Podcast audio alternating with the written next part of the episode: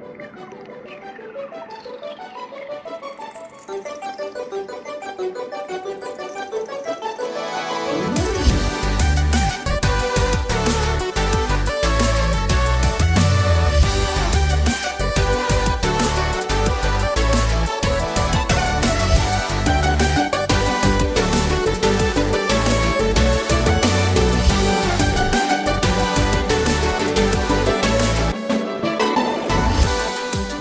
Er en onsdag her på Østlandet. Det er for så vidt onsdag i store deler av resten av verden også, bortsett fra de som er i en annen tidssone, da. Sånn hvor det fortsatt er f.eks. tirsdag kveld, eller torsdag morgen. Uh, men det er i hvert fall en onsdag her på Østlandet, der hvor jeg sitter sammen med min kompanjong.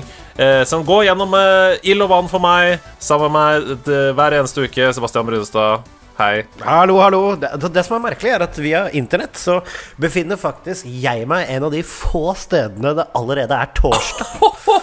Det er selvfølgelig umulig for meg å faktasjekke disse opplysningene over internett. Han ljuger så det renner, han som vanlig. Det er deilig. Du, jeg tenkte på en ting. Eh, For det første så er det jo eh, år og dag siden vi har sittet og skravla i Sidequest sammen. Fordi etter at um, Altså, du og Hasse og Ida ble implementert i nederlandslaget, så Ja. er det jo av naturlige årsaker færre Sidequest-opptredener, og det er ikke så veldig rart. Ja, nei, altså det blir jo litt uh, Vi har jo, du har, altså Man har jo mye gøyale gjester også i nederlandslaget. Og så er det jo da, da ble det liksom eh, ikke Sidequester på en god stund. Men nå er jeg altså, nå er jeg altså tilbake Ja. i Sidequestens eh, verden. Det var ikke noe negativt for min del. Jeg bare, jeg bare kom på at det var lenge siden, og så var det sånn Ja, men det er jo ikke så rart, Fordi nå er det jo liksom Nå er dere jo programleder i nederlandslaget hver uke. Um, så da er det mer naturlig å spørre f.eks. folk som Markus Nordli, som er med sånn en gang i året. Uh, Ja. ja. Det, er- altså, det føles jo Sidequest føles jo liksom ut som en slags episode av nederlandslaget, bare litt mer sånn Altså bare mye mer kokt ned til én ting, da. Ja. Men, eh, men altså, jeg tror liksom ikke de som lytter Jeg tror det er få da som bare hører Sidequest. Hæ? Hva Hva mener du?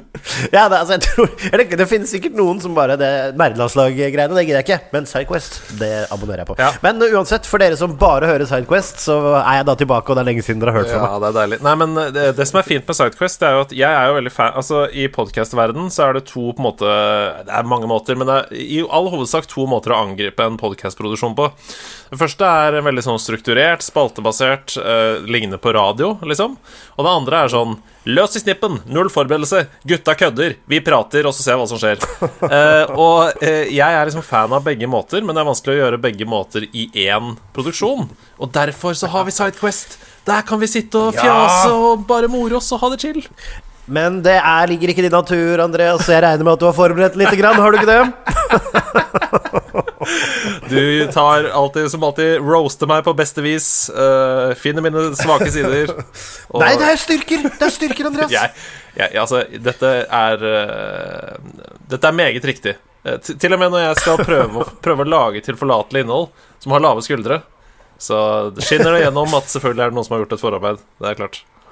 Ja, men det, det er bra. Uh, og without uh, further ado, hva er det vi skal igjennom i dag? Du- Det er alltid spennende, for jeg kommer uforberedt, ikke sant? Ja, ja, ja, ja. Nei, du, uh, du sendte meg en melding forrige dagen, og så skrev du Du, jeg har litt sånn Elden Ring-fatigue. Uh, nå er det Ja. sommer. Jeg er keen på å spille eh, noe annet som eh, jeg ikke har vært innom før. Gjerne sånn adventure open world RPG. Eh, var det ikke det? Har lyst til å utdype litt om det. Noe, ja, noe à la Elden Ring.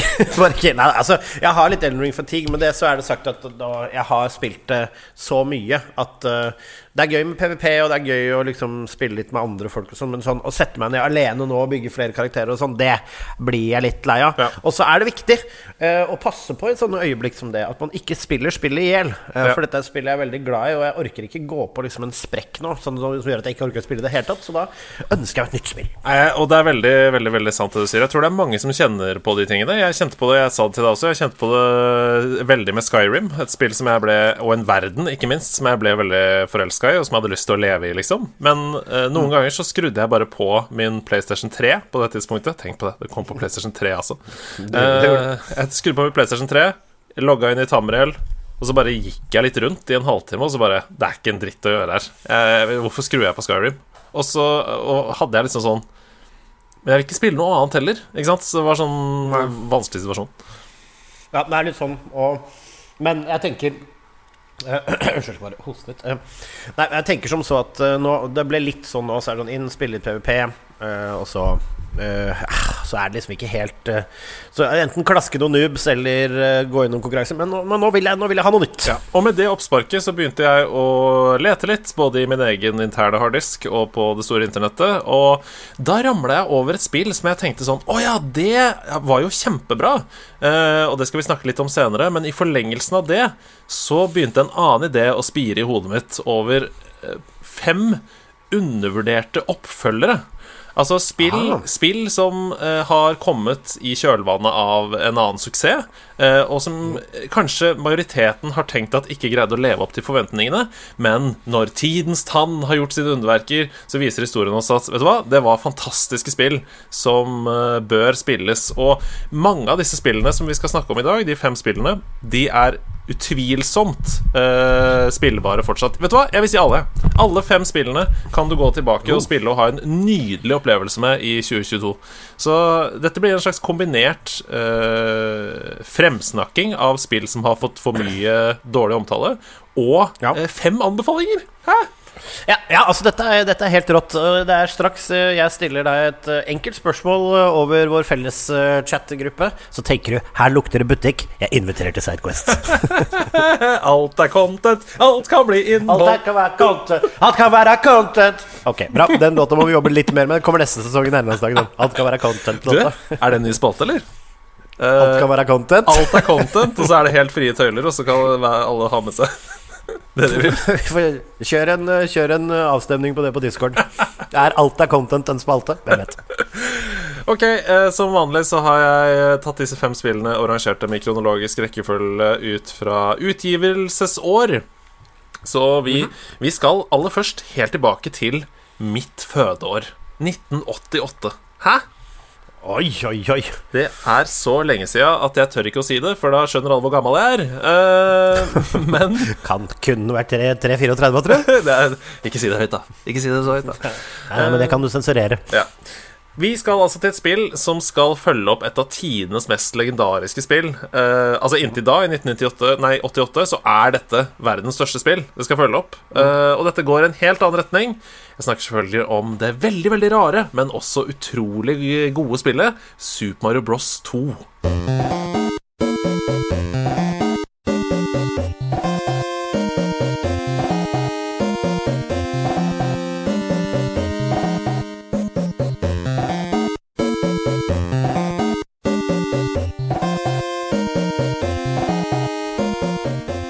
Ah, Super Mario Bros 2. Hæ?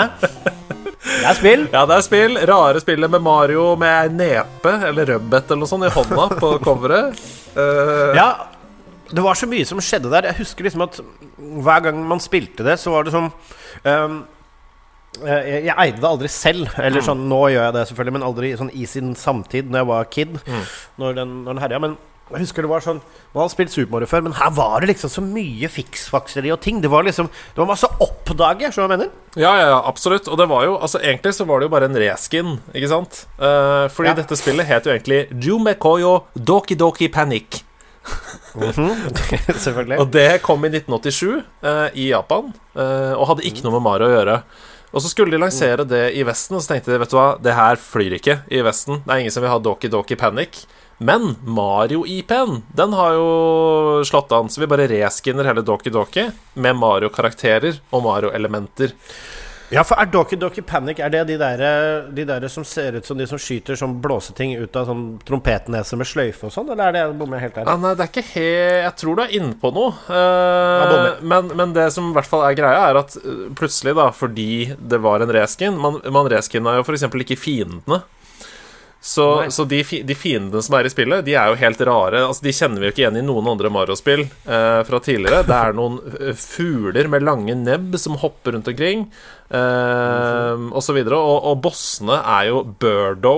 Vi ble, første gang vi ble møtt med Birdo, som Ja, det var Burdo Birdo jeg tenkte på! Det var jeg tenkte på som Ja, skyter egg ut av munnen, som du må hoppe opp på og kaste tilbake på bossen. Helt rar mekanikk for Mario. Jo, jo, men eh, det funker. Ja, ja, og det, ikke sant? Fordi det er det som jeg har lyst til å fokusere på her. Eh, Da det spillet kom, så det vestlige publikummet sa sånn Hva er det her? Hva, hva For det første, du kan velge mellom fem karakterer. Fuck det, da. Jeg vil spille Mario. Jeg vil ikke spille Peach eller uh, Todd. Hvorfor skal jeg spille Todd? Men det, det var kanskje mange som hadde lyst til å spille Peach, da. Altså, jeg spilte bare Peach, jeg, så Ja, men det er Vera Vårgrønn. Altså. Det var der det startet, Andreas! Ditt første Vera Vårgrønn på mange måter. Nei, vet du hva Eneste grunnen til at jeg bare spilte Peach, var fordi det var fullstendig OP. Fordi Peach hadde jo en svevefunksjon. Ja, stemmer det. Så, og, og det, det, er det jeg har lyst til å fokusere på. her Veldig Mange av ideene som kom i Super Mario Bros 2, De ble implementert i massevis av senere Mario-spill. Um, og, og, for eksempel da, så har karakteren i spillet Sånn som jeg sa nå ulike egenskaper. Peach kan sveve, og Peach kan jo sveve i New Super Mario Bros. Og i alle andre spill hvor du kan velge Peach som en spillbar karakter. Mm, mm. Ja, det var, så var det rett og slett der det startet. Mm.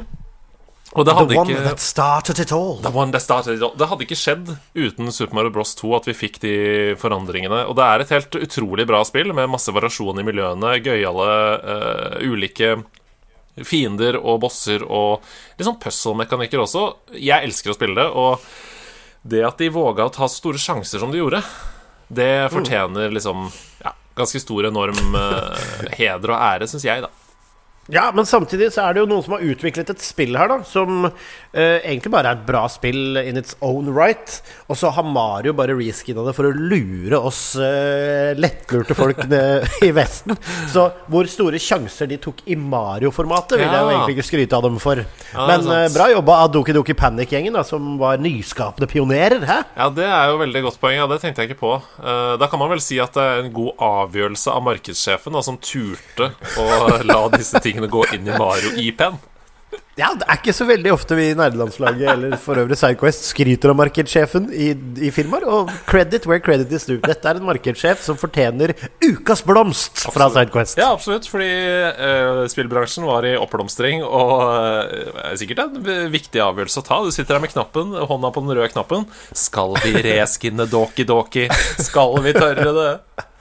Ha, og musikken stiger i rommet. En svetteperle renner ned markedssjefens eh, Markedssjefens panne. Han tar et trekk av sigaretten som han selvfølgelig hadde lov å røyke inne på den tiden, og sier ja, det skal vi. så, så, det var akkurat sånn det var.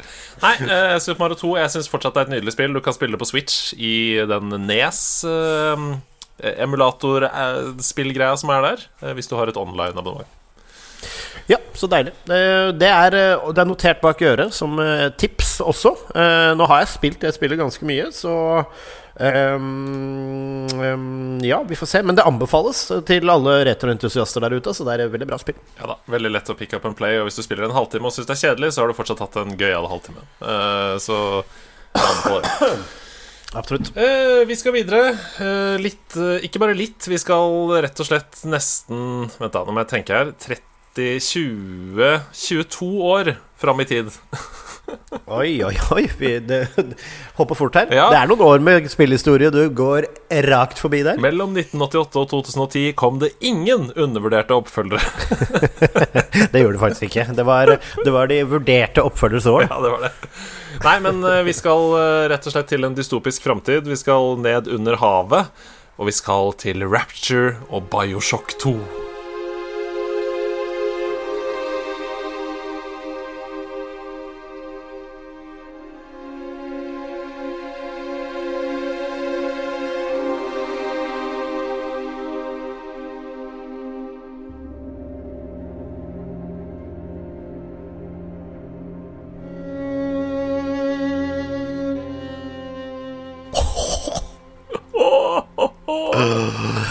det, det, går, det, går, det, går, jo et litt sånt grøss også nedover, fordi jeg husker dette spillet utrolig godt. Det var et, eh, et helt fantastisk spill. Men du mener det er undervurdert, altså? Ja, for det, altså er jo, for det første så er det jo satt til eh, 1968. Eh, åtte år etter da Bioshock 1 i dette universet. Men det er jo? Det er jo en, en tid hvor teknologien har kommet mye lenger enn det den gjorde i vår vestlige verden. Uh, men Bioshock 2 var ganske doomed helt fra starten av, fordi uh, Ken Levine, som hadde regi på det første Bioshock, han ja. deltok ikke i utviklingen av Bioshock 2. Og da, du vet Nei. jo hvordan fanbaser er på internett. Uh, Absolutt Spillet ble slakta i forumer lenge før det kom. Sånn, Dette er bare dritt og cash grab, og de skal bare pøse ut et nytt spill fordi det første er, var bra. Og det er jo selvfølgelig bare tull. Eh, Ja, men, det det. men det fikk en del implikasjoner for salgstall før spillet allerede kom. Ja. Ja, ikke sant. Så sånn sett undervurdert, ja. Ikke sant? Og det At, synes eh, jeg var- vil. Og det syns jeg var kjempe, kjempekjipt, fordi Og det er jo sånn, sånn eh, Av Bioshock-fantaster så sier folk sånn ofte sånn Ja, du må spille det første, og så må du spille Mm. Bioshock Infinite, eh, på en måte. Men, men Mm. du trenger ikke spille Bioshock 2. Det er sånn Hæ? Hvorfor ikke? Det, det, altså, jeg koste meg med Bioshock 2. Jeg syntes det var skummelt og gøy og utfordrende og bra. Altså, ja, eh, ja nei, det synes jeg, jeg syns jo det er rart. Hvordan ligger det i forhold til sånn metakritikk og sånn? Ja, det ligger ganske bra på metakritikk, men eh, spesielt salgstall er eh, eh, lavere enn andre spill. Og eh, jeg må snakke litt om, fordi det er jo en oppfølger her som tør å ta ganske store sjanser, og det kan jo også ha splitta eh, fanbasen litt, for du blir jo plassert i støvlene til en Big Daddy her, ikke sant? Og du Ja, får ja. da muligheten til å utforske Rapture fra en helt annen synsvinkel. Eh, og, og uten å spoile så veldig mye av et av de største spillsuksessene de siste årene, nemlig The Last of Us Part 1 og Part 2, så er det jo noe lignende da som skjer i Part 2, som gjør at uh, det splitta fanbasen der også. Ja. Um, Ja, altså Kanskje man skal holde seg litt for god for å si det. det, altså, det I hvert fall ikke snakke mye om det. Men du kan jo Altså Hva med å gi en spoiler warning på ett minutt her, da? Hvis ikke du vil vite det, så skip ett minutt fram, eller 30 sekunder, så kan du si det. Nei, nei, jeg tror ikke vi trenger si så mye mer om det, egentlig. Eh, Det var bare det at du blir plassert i støvlene til Big Daddy, som var eh, viktig for meg å få fram. Og så det Og for dere som ikke vet hva det er, det høres jo Ja. Daddy høres jo litt sånn kinky ut, men det er da altså en robot eh, i Rapture-universet. En slags uh, MEC som eh, var programmert inn til å passe på da disse Little Sisters, da. Mm. Som eh, eh, du skulle Ja. Eh, må ikke spoile for mye av det heller, hvis du har tenkt å spille det, men eh, det, er, det er ganske kult, syns jeg. Jeg likte det egentlig ganske godt, fordi Mm. jeg syns de var eh, spennende og eh, kule eh, Altså, det er kul law rundt Ja. alt det der. Jeg er helt enig, og det er, det er to ting som står ut for meg med, med Bioshock 2. Jeg spilte jo ikke dette eh, før det kom i sånn collection. Altså The Bioshock Collection som har kommet nå, hvor du kan spille de tre spillene. Ehm, og det, er, det, er, altså det må bare folk gjøre hvis de ikke har gjort det, for det har holdt seg til de grader. Ehm, men det er Ja, det er vel noe remaster og litt sånn der òg, ikke det? Definitivt. Det ser litt bedre ut og Ser bedre ut, ja. og Ja, modernisert. Så, men, men det er to ting som står ut for meg som jeg oppdaga da jeg spilte Bioshock 2. Og det første er at eh, historien er liksom mørk, men veldig nyansert og veldig, veldig menneskelig. Det er kanskje for meg den mest menneskelige historien i noen av Bioshock-spillene eh, totalt. Som ja, var rørende, og jeg ble liksom connecta med den, da. Ja, det er jeg enig i. Jeg likte Bioshock 2 godt. Jeg kan anbefale det spillet uten problemer. Jeg, jeg, jeg syns det er en kaktus, rett og slett, i posten. Nå fikk uh, markedssjefen en blomst i stad, men en kaktus til haters som bare skal gonna hate. Ja. For jeg skjønner at liksom Ikke si at noe er en cash grab før du vet, da. Nei. Så vet jeg sånn Ok, greit, Levin er ikke med, og så er folk litt sure for det. Men allikevel, du Mm. må gi ting en sjanse. Det finnes flere flinke folk. Helt riktig. Og det andre som var veldig synd for meg, det var at multiplayeren i Bioshock 2 var jo kjempebra. Eh, jeg Ja. syns gameplay var dritgøy, og jeg fikk, jo ikke, jeg jo ikke kost meg med den, for det var ingen som spilte det.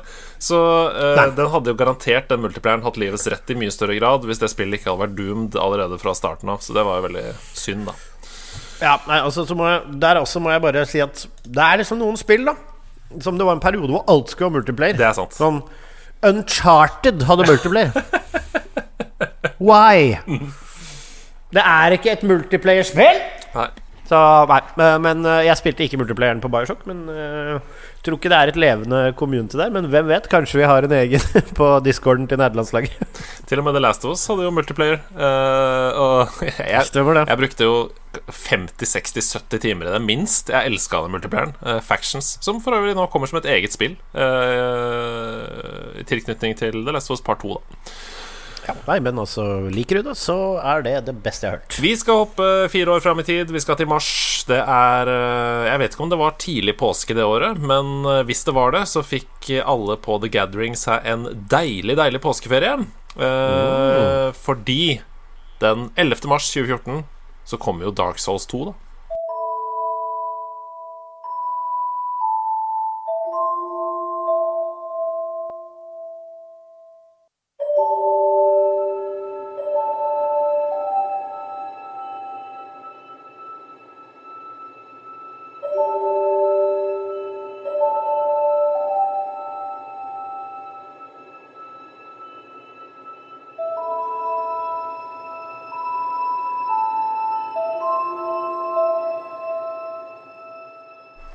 Stemmer det, vet du. Um, fortell meg litt om det spillet. Det mangler jeg litt kunnskap om.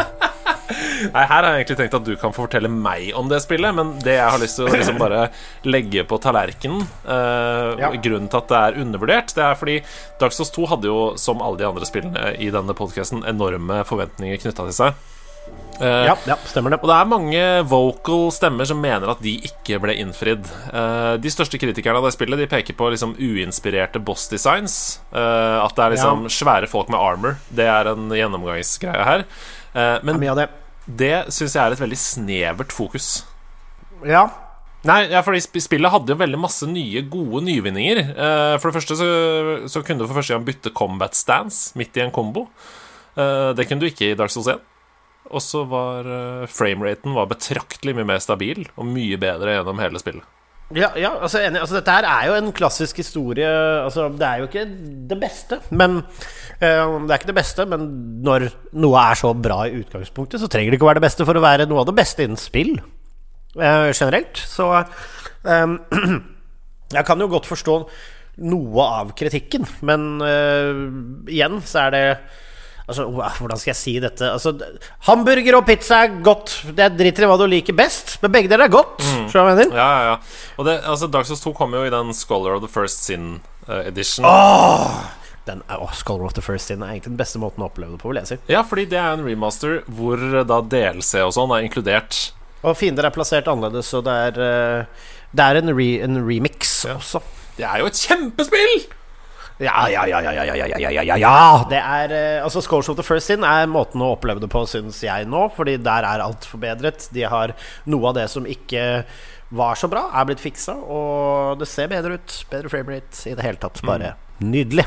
Ja, jeg har en litt Dette, altså, dette, dette følger jo egentlig bare Souls-oppskriften, for å si kort om det. Det er gode gamle Undead kommer til uh, Drangleik Drangleik? Mm. Eh, og en ordentlig vanskelig historie med noen old ones som eh, er noen guder som har kommet, og du må finne en konge, men han er ikke egentlig kongen. Er han kongen? Er det kongen du er? Altså, og så masse folk som sier ting som You cannot dance with the strangest feeling of the king's heart with the old ones breathing. Og du bare Ok! Eh, nei, det har alt eh, som du trenger. Masse quests du ikke vet du er med på engang. Du har faila flere ting som du ikke visste at det gikk an å gjøre. Plutselig finner du et lik som du kanskje skulle egentlig ha snakka med. Og det har alle disse komponentene som gjør at du må liksom work it out da, gjennom forskjellige playthroughs. Og eh, verden er mørk og kul, og du har alle de samme herlige utfordringene. Bossene er kanskje ikke så inspirert som de har vært før, men de er kule, de er vanskelige. Du må virkelig gitte good i Dark Souls eh, 2 også. Så det er jo Det er et kjempespill. Det er så gøy å høre deg snakke om Dark Souls. Kunne hatt, eh, altså, jeg kunne bare sitte og hørt på det i eh, en time, liksom. Uh, Sebastian Brynestad, dypdykk. Uh, Demon Souls, Dark Souls 1, Dark Souls 2, Dark Souls 3, uh, Sekiro osv., osv., osv. Kanskje vi bare skulle gjort det. Det er jo kanskje, kanskje det er Kanskje det kanskje har livets rett. Definitivt. En, en Sidequest-serie hvor du dypdykker i alle FromSoft-spillene. Er du gæren, er du gal? Er du kjerringa til Carl, som de pleide å si? Å, det sa vi før! Hvorfor har vi slutta å si det? Jeg vet ikke. Er du gæren, er du gal, er du kjerringa til Carl? Kanskje, kanskje selveste Carl ble cancelled av noe metoo-greier eller noe? Ah, shit, kjerringa til Carl, ja. Det var mange av dem. Polygami. Dømt for polygami.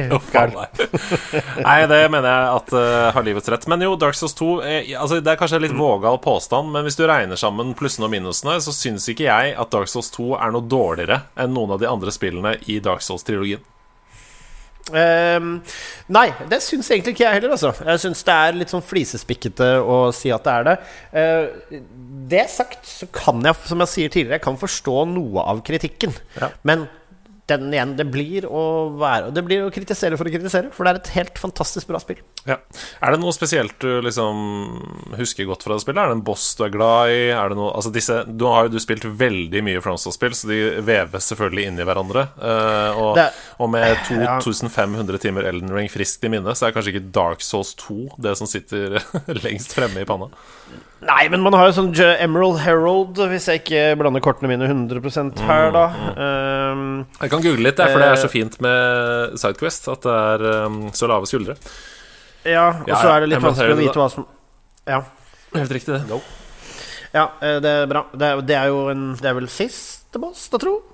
Mulig. Jeg har ikke ja, rundet så har King Nei, King Vendrick uh, kan jo dras fram. Uh, det, er, som sagt, det er mye knights og konger og det er ikke så mange av disse tentakelmonstrene og sånn som vi liksom uh, ser i, i treeren. Også sånn litt mer sånn uh, episke bossfights. Det er episke bossfights, men det er mye sånn stor robot eller uh, Oi, fikk jeg melding? Det, er klart det er, det er klart det er melding her i Sidequest. Så lave skuldre, gitt. Gutta kødder.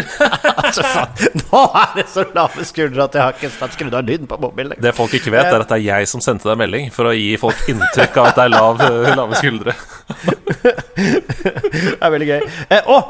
Uh, ja, fordi uh, du har, du, er jo DLC uh, ja, ja. som kom her. Artorias og Stibis. Ja. Det er Dark Souls 2. Og det er vel den Det er vel Emerald Herald, kanskje. Det er vel der du møter henne igjen, i hvert fall. Ja, fordi hun er jo sånn som du kan levele opp Estus Flasks med og sånn, men mm -hmm. blir vel en boss til slutt som ikke ulikt til et annet FromSoft-spill, som vi kanskje ikke skal spoile. Uh, ja, så har du Det er litt sånn Det er noen sånn tidsreiseaspekter i dette spillet, og det mm. er um, I det hele tatt en, altså, Det er veldig mye å oppdage. Det er veldig mye her også som liksom løfter Lauren. Og det uh, er jo Souls-spillene er jo utgangspunktet noe som det er vanskelig å plukke opp law og skjønne helt hva som skjer. Men dette spillet er kanskje en av de som virkelig er verdt å gå litt i dybden på. Fordi det er masse kule ting som skjer, og du kan finne masse fete questlines, og ting kan vris på måter, og litt ut ifra hvem du dreper, og Nei, altså, det er et kjempespill som jeg liker meget uh, godt, og vurderer å spille Kanskje jeg skal rett og slett altså Når vi snakker om jeg har litt Elden Ring-fatigue. Skulle ha spilt Scholars of the First Sin igjen, da, tror jeg? Det kan godt hende det blir. Det er sommer, du kan gjøre hva du vil. Uh, så bare spill Scholars of the First Sin, da. Hvis du har lyst til å kose deg med det. Altså, du, det er from my cold scholared hands, ja. den, det spillet der, altså. Ja. Så det, Og har du ikke spilt det, så er det i hvert fall en no-brainer ja. å fyre opp Scholars of the First. Jeg vil hoppe to år fram i tid, uh, to og et halvt til 15.11.2016, uh, eh, til et spill som er dritbra. Altså, det var virkelig et av dark horsene til å være årets spill i 2016. Uh, eh, og mm. det var det ingen som hadde trodd før det skulle komme. Uh, og jeg må bare si, hvis du liker spill som liksom Spiderman, uh, GTA, den typen spill, action adventure-spill med liksom litt RPG-elementer noe stealth. Uh, tenk også Hitman, liksom. Litt sånne ting. Mm. Mm. Dette spillet er uh, fantastisk bra. Ubisoft Montreal. Det er Watchdogs 2.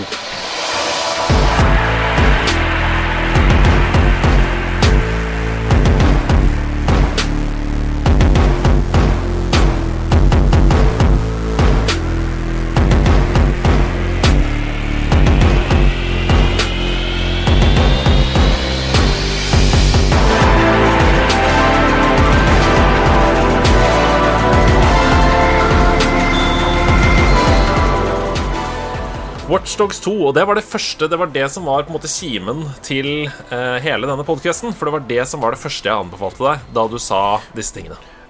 Ja, Watchdogs 2 har jeg jo spilt. Um, så det kan jeg også mene om. Oh. Uh, jeg, uh, glemte Altså, hvordan kom jeg til Eh, etter det.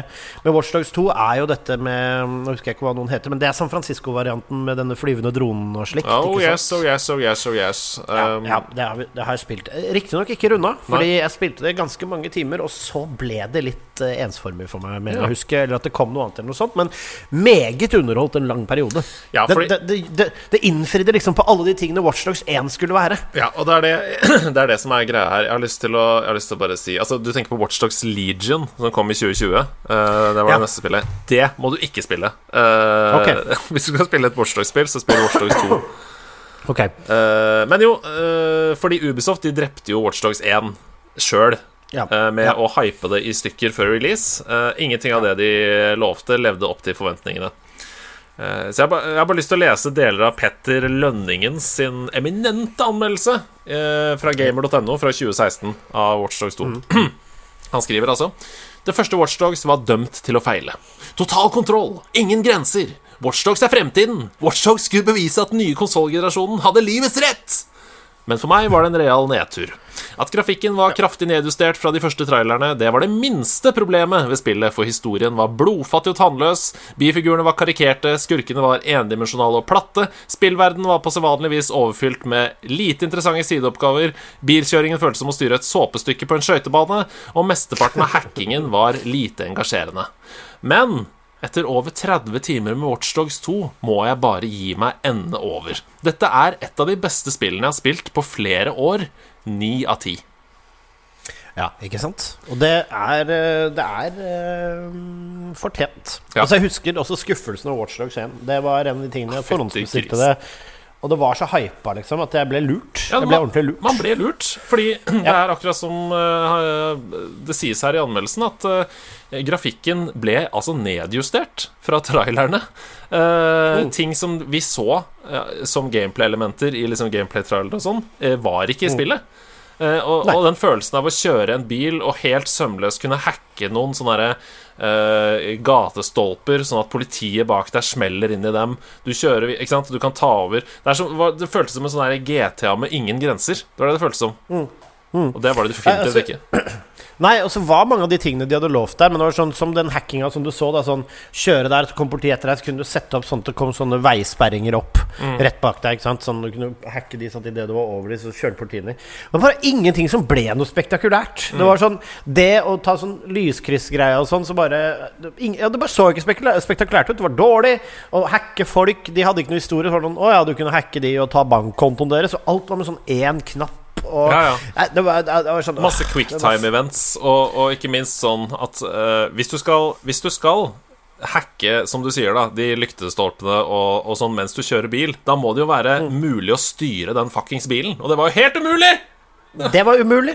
Det var umulig, det. Eh, Det var altså en av de vanskeligste. Så det var som på en måte Kan sammenlignes litt med sånn Goat Simulator for bil. Ja, Helt riktig.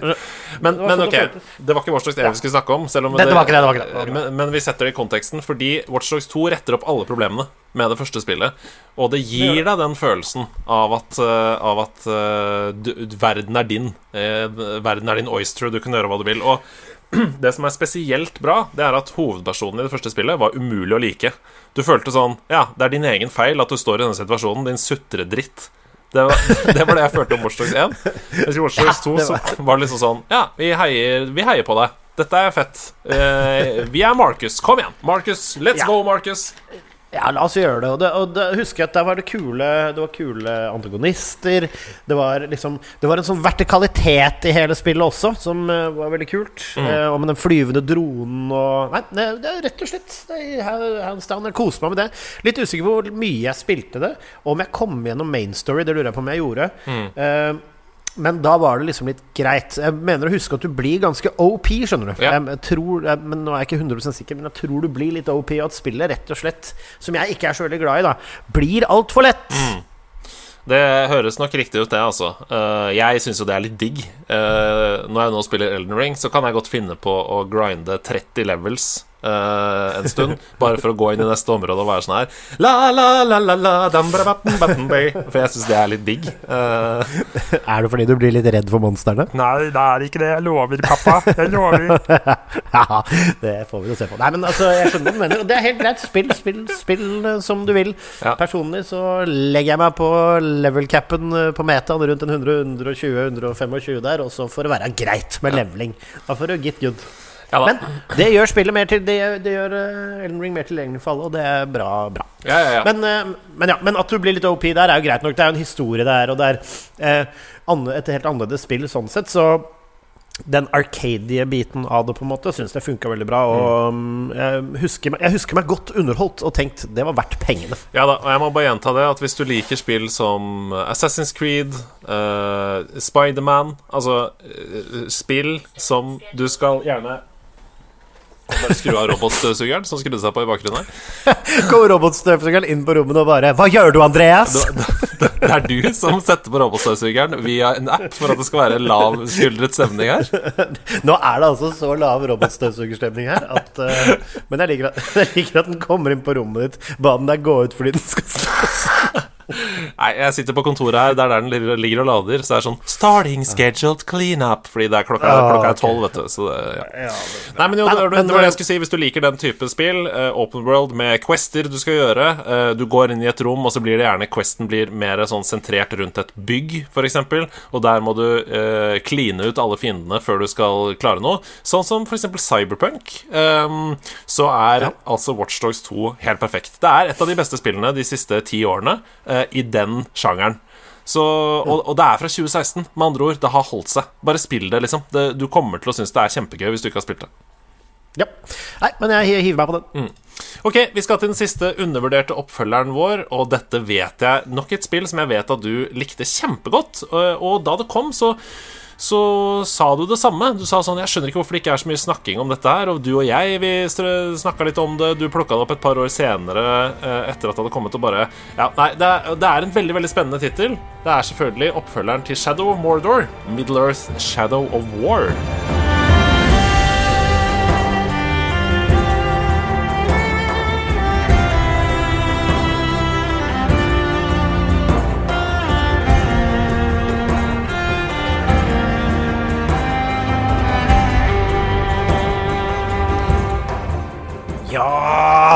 Ikke sant? Eh, det, er det, det, spillet er så rart for meg, Andreas. Fordi det er et spill som jeg flere ganger har fått så innmari lyst til å spille. Ja. Får sånn Å, dette har jeg lyst til å spille og fordype meg. Men det er et eller annet som skjer Ja. etter bare de første timene. Altså Det er sånn jeg spiller noen timer, og så er det sånn Ja, ok, da er jeg i gang.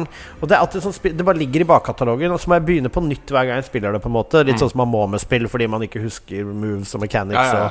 Og, og, her bygger du en sånn hær av orker og sånn ved siden av, som er et sånn eget minispill hvor du tar liksom og slåss deg oppover i et sånt hierarki da Mm. i verden, av å plassere inn dine egne minions. Så ganske fett, da. Ja, og det er ganske Nemesis-systemet du snakker om, ikke sant? Nettopp, ikke sant? Der, der fiendene du møter, har uh, Veldig mange av de har personligheter og liksom eksisterer i verden. Og hvis de dreper deg, så går de opp i rang, og du blir respawna og sånn. Og combaten er fet. uh, musikken er nydelig. Det er Ringenes herre. Alt er på plass. Men det er et eller annet som gjør at jeg aldri klarer å komme over den derre åtte-ti timers kneika. Jeg detter av hver gang. Og jeg, jeg klarer ikke å sette fingeren på hvorfor. Nei, eh, Shadow War det er jo som du er inne på her en veldig spennende tittel, syns jeg. Eh, Da det kom, så ble det slakta, kasta til hundene av helt korrekte årsaker. Eh, Fordi spillet var jo helt overfylt til randen med masse masse mikrotransaksjoner. Som Ja, åpenbart ikke hører hjemme i et single player action adventure-spill. Eh, Men det folk kanskje ikke fikk med seg, det var at Monolith, som er selskapet bak spillet, de beklaget seg. De gikk ut og sa unnskyld. Fjerna alle mikrotransaksjonene og strømlinjeforma progresjonssystemet til et helt strålende system. Eh, og spillet det tok jo da alt fra Shadow of Mordor, som de hadde lært av det, og gjorde det bare bedre. Uh, og for meg så er eh, Shadow of War en perfekt miks av Batman Arkham-spillene, altså sånn brawl, brawler-fighting, hvor du på en måte bytter fra en fiende til en annen, og du fighter deg i en sånn clash av masse fiender. Uh, og Assassin's Creed-spillene, der hvor du kan stealthe deg inn og sånn. Og litt Metal Gear Solid 5 også, i Open World. Det er liksom tusen måter å angripe en situasjon på her, og med det du er inne på, det geniale Nemesis-systemet på toppen, som er helt eksklusivt til disse spillene De har faktisk copyrighta det Nemesis-systemet, som jeg mener er en uting, selvfølgelig, for det burde jo alle, eh, alle spillmekanikker burde være åpne, men likevel. Spørs hvor lenge det, det patentet holder, vel. Ja, men likevel, hvis du skal oppleve den uh, greia med Nemesis-systemet, så må du gjøre det i Shadow War, eh, eller Shadow Mordor. Uh, så jeg syns det er super, superspill, men, men uh, hva er ditt inntrykk av eh, ja, de første 68 timene som du snakker om? Hva, hva er det som trigga deg? Hva er det du liker? Det jeg liker veldig godt, er Jeg er veldig glad i den combat-greia som er sånn eh, Det blir som en dans på mange måter. Så du må parere, du må kjøre. Jeg liker jo selvfølgelig Nemesis-systemet. Eh, det er omfattende med liksom alle de tingene du kan Når du finner en ny fiende, da, så kan, som ser du i hierarkiet, så er de svarta ut. Du kan se liksom en sånn grid av hvordan orkenes eh, fiende Eller hvordan deres hierarki fungerer. Så må du sette inn dine egne og sakte, men sikkert liksom eh, bygge opp, da. Eh, du kan finne informasjon ved å liksom drepe informanter eller eh, extorte de, og du du kan finne weaknesses på forskjellige vanskelige fiender, og legge en plan på hvilke moves du må ha for å klare å ta den og den generalen. Da. Mm. Som for eksempel, han er redd for bier, kan du finne ut om en, og så ser du at selvfølgelig da er det noen bier i nærheten, altså sånne ting. Da. Mm. Eh, eller han er redd for spøkelser, på en måte, og derfor så kan du bruke denne, eh, denne undead-alven, denne smeden som smidde ringen, eh, som eh, følger med deg. Mm. Eh, hans spøkelse. Så eh, alt det liker jeg veldig godt. Eh, det er en fin verden og en open world og sånn. Eh, så, så combat, eh, gameplay, eh, historien er jo også fin her. Det er masse nikk. Du, kan du møter jo Det er en sidequest-tråd med Gollum, og det er eh, masse, masse kult. Men- Denne Ja. Innspill. Kan det være at eh, Shadow of War lider litt under samme problem som f.eks. vi er eh, redde for at Starfield kommer til å gjøre? Nemlig monotont monotone omgivelser. Fordi Mordor er jo ikke så veldig fargerik. Nei, men allikevel så fikk de liksom kneppa inn noe skog der og sånn i en av områdene, ikke sant? Ja. Eh, det, de, de har fått litt variasjon, men det er nok det. Jeg tror, jeg tror det er et eller annet med den at For meg, da, så skjer det et eller annet med liksom er, Selv om det er go godt skrevne fiender, og de har personlighet, mange av disse orkene, og det er, og det er veldig bra, så er det sånn Det går litt tid, og så blir det liksom litt sånn Ja, jeg er i Mordor. Og det jeg forholder meg til til enhver tid, er liksom en dialog med en som er sånn yeah! altså, Han som er inni deg, han, eller han spøkelsesfyren, om det er lov å si Han øh, øh, Det er liksom en sånn dialog mellom dem som er veldig sånn øh, ensformig på mange måter. Du er litt sånn goody two-shoes, han er litt sånn ond, eller sånn tvega, da, tvega. Men Orkene er alltid sånn «Yeah, I'm going to kill Palestine!» ja, Greit, da skjønner du nå, så bare Oh no, please! Kom- igjen, liksom. Ja. Det hadde vært litt gøy å, hadde vært litt gøy å få litt mer variasjon, ja. Jeg tror, jeg tror det er det som dreper meg litt. Og så er det så mye å sette seg inn i og mye å holde styr på at det å legge det fra seg over lengre tid, og i hvert fall hvis du spiller et annet spill imellom, så sliter jeg med å plukke det opp igjen der jeg var. Ja, nei, jeg, helt, jeg, jeg skjønner veldig godt hva du sier. Um, jeg synes det er Hvis du ikke har spilt det, så det kan jo ikke koste mer enn eh, noen tiere nå, det spillet. Um, og hvis du Nei, for det er ja, sorry. Det, er- men det er veldig rart, altså, Fordi når du nevner det nå, så er det Jeg, jeg eier det jo, ikke sant? Jeg kan laste det ned. Uh, og, og for meg så er det sånn Skulle man prøvd det igjen? Altså, jeg vet ikke. Alt er på plass det- der. Tenk, på, tenk Ja. å få muligheten til å liksom eh, I en lisensiert Loter-tittel Altså, dette er det beste eh, disse, Denne IP-en her er, er den beste beskrivelsen og følelsen av å være i Mordor noen gang har kommet. Det er ikke tvil. Eh, Ja, Det er det ingen tvil om. Nei. Så Og, det og, og, og, ja, og, to, og toeren her er jo Altså, toeren her er jo eh, det er, det er ikke veldig variert, men allikevel, det er eh, fortsatt god variasjon. Det er forskjellige måter å angripe ting på. Det er, eh, det er til og med en del vertikalitet eh, som jeg er glad i, da som eh, snakker om i Watchdogs også. Det er til, liksom, Du kan være i høyden og snipe med piler. Ja, ja, ja, ja. Du kan liksom snike rundt, du kan være brawler. Og det, jeg, jeg vet ikke om jeg blander eneren og toeren her nå, men jeg er ganske sikker på at det også liksom fikk inn litt sånn skog og mark og litt øh, mer varierte områder også. Så øh, et, et veldig, veldig, veldig bra spill. Jeg tror kanskje det er litt tiden det traff meg i, hvor jeg prøvde å spille det over det året, liksom plukka det opp et par ganger. Og prøvde å starte et par-tre ganger, og så ah, så går det liksom ikke helt. Så kanskje dette er sommeren hvor jeg runder Shadow of War. Det er veldig gøy. Nå, jeg driver og sjekker litt forskjellig her nå. Og du skulle du ha sett Selvfølgelig er det inkludert i GamePass. Uh, Det er jo klart det er! det, jeg skal bare sjekke om det er i den nye PlayStation Plus-løsningen også. For jeg vet at det har vært gratis på PlayStation Plus før i en måned. Og nå har det jo kommet en ny sånn PlayStation Plus-løsning med forskjellige Tira-nivåer. nivåer. mm. og da skulle det jo overraske meg veldig hvis ikke Shadow of War er en del av det uh, nye tilbudet. Ja. Så ja. Nei, altså det, det seiler jo opp Xboxen som et bruk. Altså jeg sitter jo med min eh, Xbox eh, Elite V2, er det vel, eh, kontroller med GamePass og nyter. courtesy av eh, våre venner i Komplett. Eh, Du har Series X òg, du, vet du, din lille fis. det har jeg, vet du, din rakkegutt. Så, men, en, men Series X-en, eh, Series X-en, GamePass og en eh, Elite V2 uh, Oh, yes. Det, anbef det er eh, Det er noe Det er noe ekstra komfortabelt med det. PlayStation, jeg vet jo nå at dere skal komme med deres egen Pro-kontroller, og jeg hater Altså, jeg elsker Uh, elsker den nye kontrollen til PlayStation 5, altså, men eh, den er for lav kvalitet. Ja, den er for dårlig bygd. Det er ja, Den er altfor dyr. Joystickene holder ikke. Det er drift. Det, gummien ryker. Jeg har kritisert det for deg før. Og jeg elsker jo Xbox eller, eller, altså Vanlige kontroller til Xbox holder mye lenger, den også, men Eliten er i en klasse for seg. Så må jeg selvfølgelig disclaime at jeg har fått denne komplett, da, sånn at jeg ikke går på noen kommersielle smeller der. Men eh, den hadde jeg kjøpt meg sjæl også, om Ja. jeg ikke hadde fått den. Ja, det er samme her. Eh, Game Informer ga det eh, Shadow War 9,5 av 10. Uh, IGN ga det 9 av 10. Det er ikke noe tvil om at det er et bra spill. Uh, så hvis du har lyst på en opplevelse fra Ringenes herre-universet, så kjør på da vel. Altså, det er noe helt spesielt når den musikken kommer der, og du føler at du er i Mordor altså. Eh, men jeg må bare si det. Kan vi nå bare ta bort Shadow of War og så heller, heller uh, få et nytt spill som heter Shadow of Middle Earth, eller? Og så tar vi hele scopen av Elden Ring, altså størrelsesmessig, og så bare lager vi fuckings hele Middle Earth om til et stort open world-spill. Gi det til meg, da! Al al altså, altså, men med vanskelighetsgraden til, til Elden Ring, Ja! ikke sant? Jeg skal inn i Jeg skal inn i Fangorn Forest. Jeg skal inn i Orthanc. Jeg skal ned i Gondor. Jeg skal opp i Rohan. Jeg skal ned i Altså, du vil jo det her! Du vil inn i Casa ja, Doom altså- og fighte mot Balrog. Det er lov å si!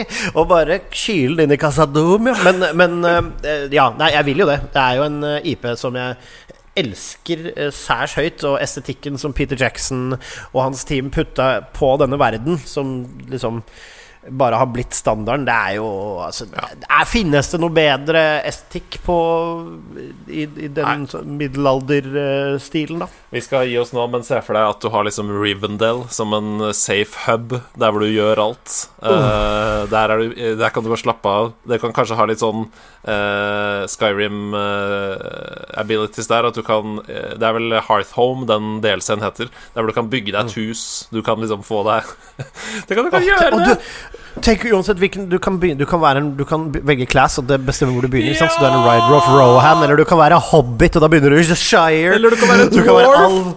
og begynne i morgen! Jeg vil ha meg ei lita dwarfebule nedi Moria. Uh, du vil ha dwarfebule der nede i Moria. Da tenker jeg Jeg vil egentlig ha Jeg tror rett og slett jeg hadde spilt uh, jeg hadde, hadde jeg vært Å, vet du hva? Jeg hadde vært wizard jeg, og starta i, uh, starta i et eller annet tårn et eller annet sted. Selvfølgelig. Men jeg må bare si jeg hadde spilt det fem ganger. Jeg hadde selvfølgelig hatt hus i alle uh, kriker og kroker av den verden her. For eh, Åh, tenk, om, tenk om du kan være Balrog og ha et hus i Casa Doom. Altså, Hogwarts Legacy, bare med liksom uh, Ja, hva skal vi kalle det? Uh, Elrons Elrons Legacy. El Elrons Legacy. Altså, det vi vil ha her, er jo Altså, La oss bare være enige. Elden Ring har satt en standard Ja, på hva Open World kan være Absolutt. nå. Og jeg tror nok de fleste prosjekter av den typen Open World uh, RPG eh, har bitt seg merke i dette. Og jeg tror nok ganske mange utviklere har ringt investorene sine og sagt vi skulle ikke bare ha tatt et par år til da og laget Og prøvd å strekke oss etter den nye standarden. Ja. Nei, det ble, det ble en sidequest, dette her, om fire undervurderte oppfølgere, og en av dem som ble til en stor drøm om et helt annet spill. Eh, men sånn kan det være når vi har så ekstremt lave skuldre at robotstøvsugeren begynner og WhatsApp plinger. Eh, ja. Og det er veldig deilig. Tusen takk for at du har hørt på. Vi er jo Dette er midt i juli eh, for dere som hører dette på Patrion. Eh, ti uker senere for dere som hører det utenom, så er det vel ca. høstferie snart. Det betyr at det snart er veldedighetsstream. Det gleder vi oss til. Det gleder vi oss til. Så tusen takk for at du var med, Sebastian. Eh, Du, det, det er alltid hyggelig, Andreas. Det vet du. Ja, ja, det er klart det er hyggelig. Hva skal du gjøre resten av denne sommerlige uken? Nei, Vi får se hvordan det går med Shadow of Mordor, da. Men eh, det kjenner jeg meg sjøl rett, så blir det Scholars of the First Sin, tenker jeg. Og så er vi rett tilbake på Elden Ring, da, vet du. Straks denne såkalte fatiguen gir seg. Ja. Men jeg skal prøve å gå litt ut også, men vi får se. Ja, jeg skal bare spesifisere der at Shadow of Mordor er da det første spillet. Shadow of War er det vi snakker om, som er det andre spillet. For dere som har lyst til å da sjekke det ut i etterkant. Pota potato tomato, som jeg pleier å si. Ok, god sommer, god høst, god vinter, god vår, samme når du hører på dette. Nederlandslaget består. Hei, hei. Ha det bra. even.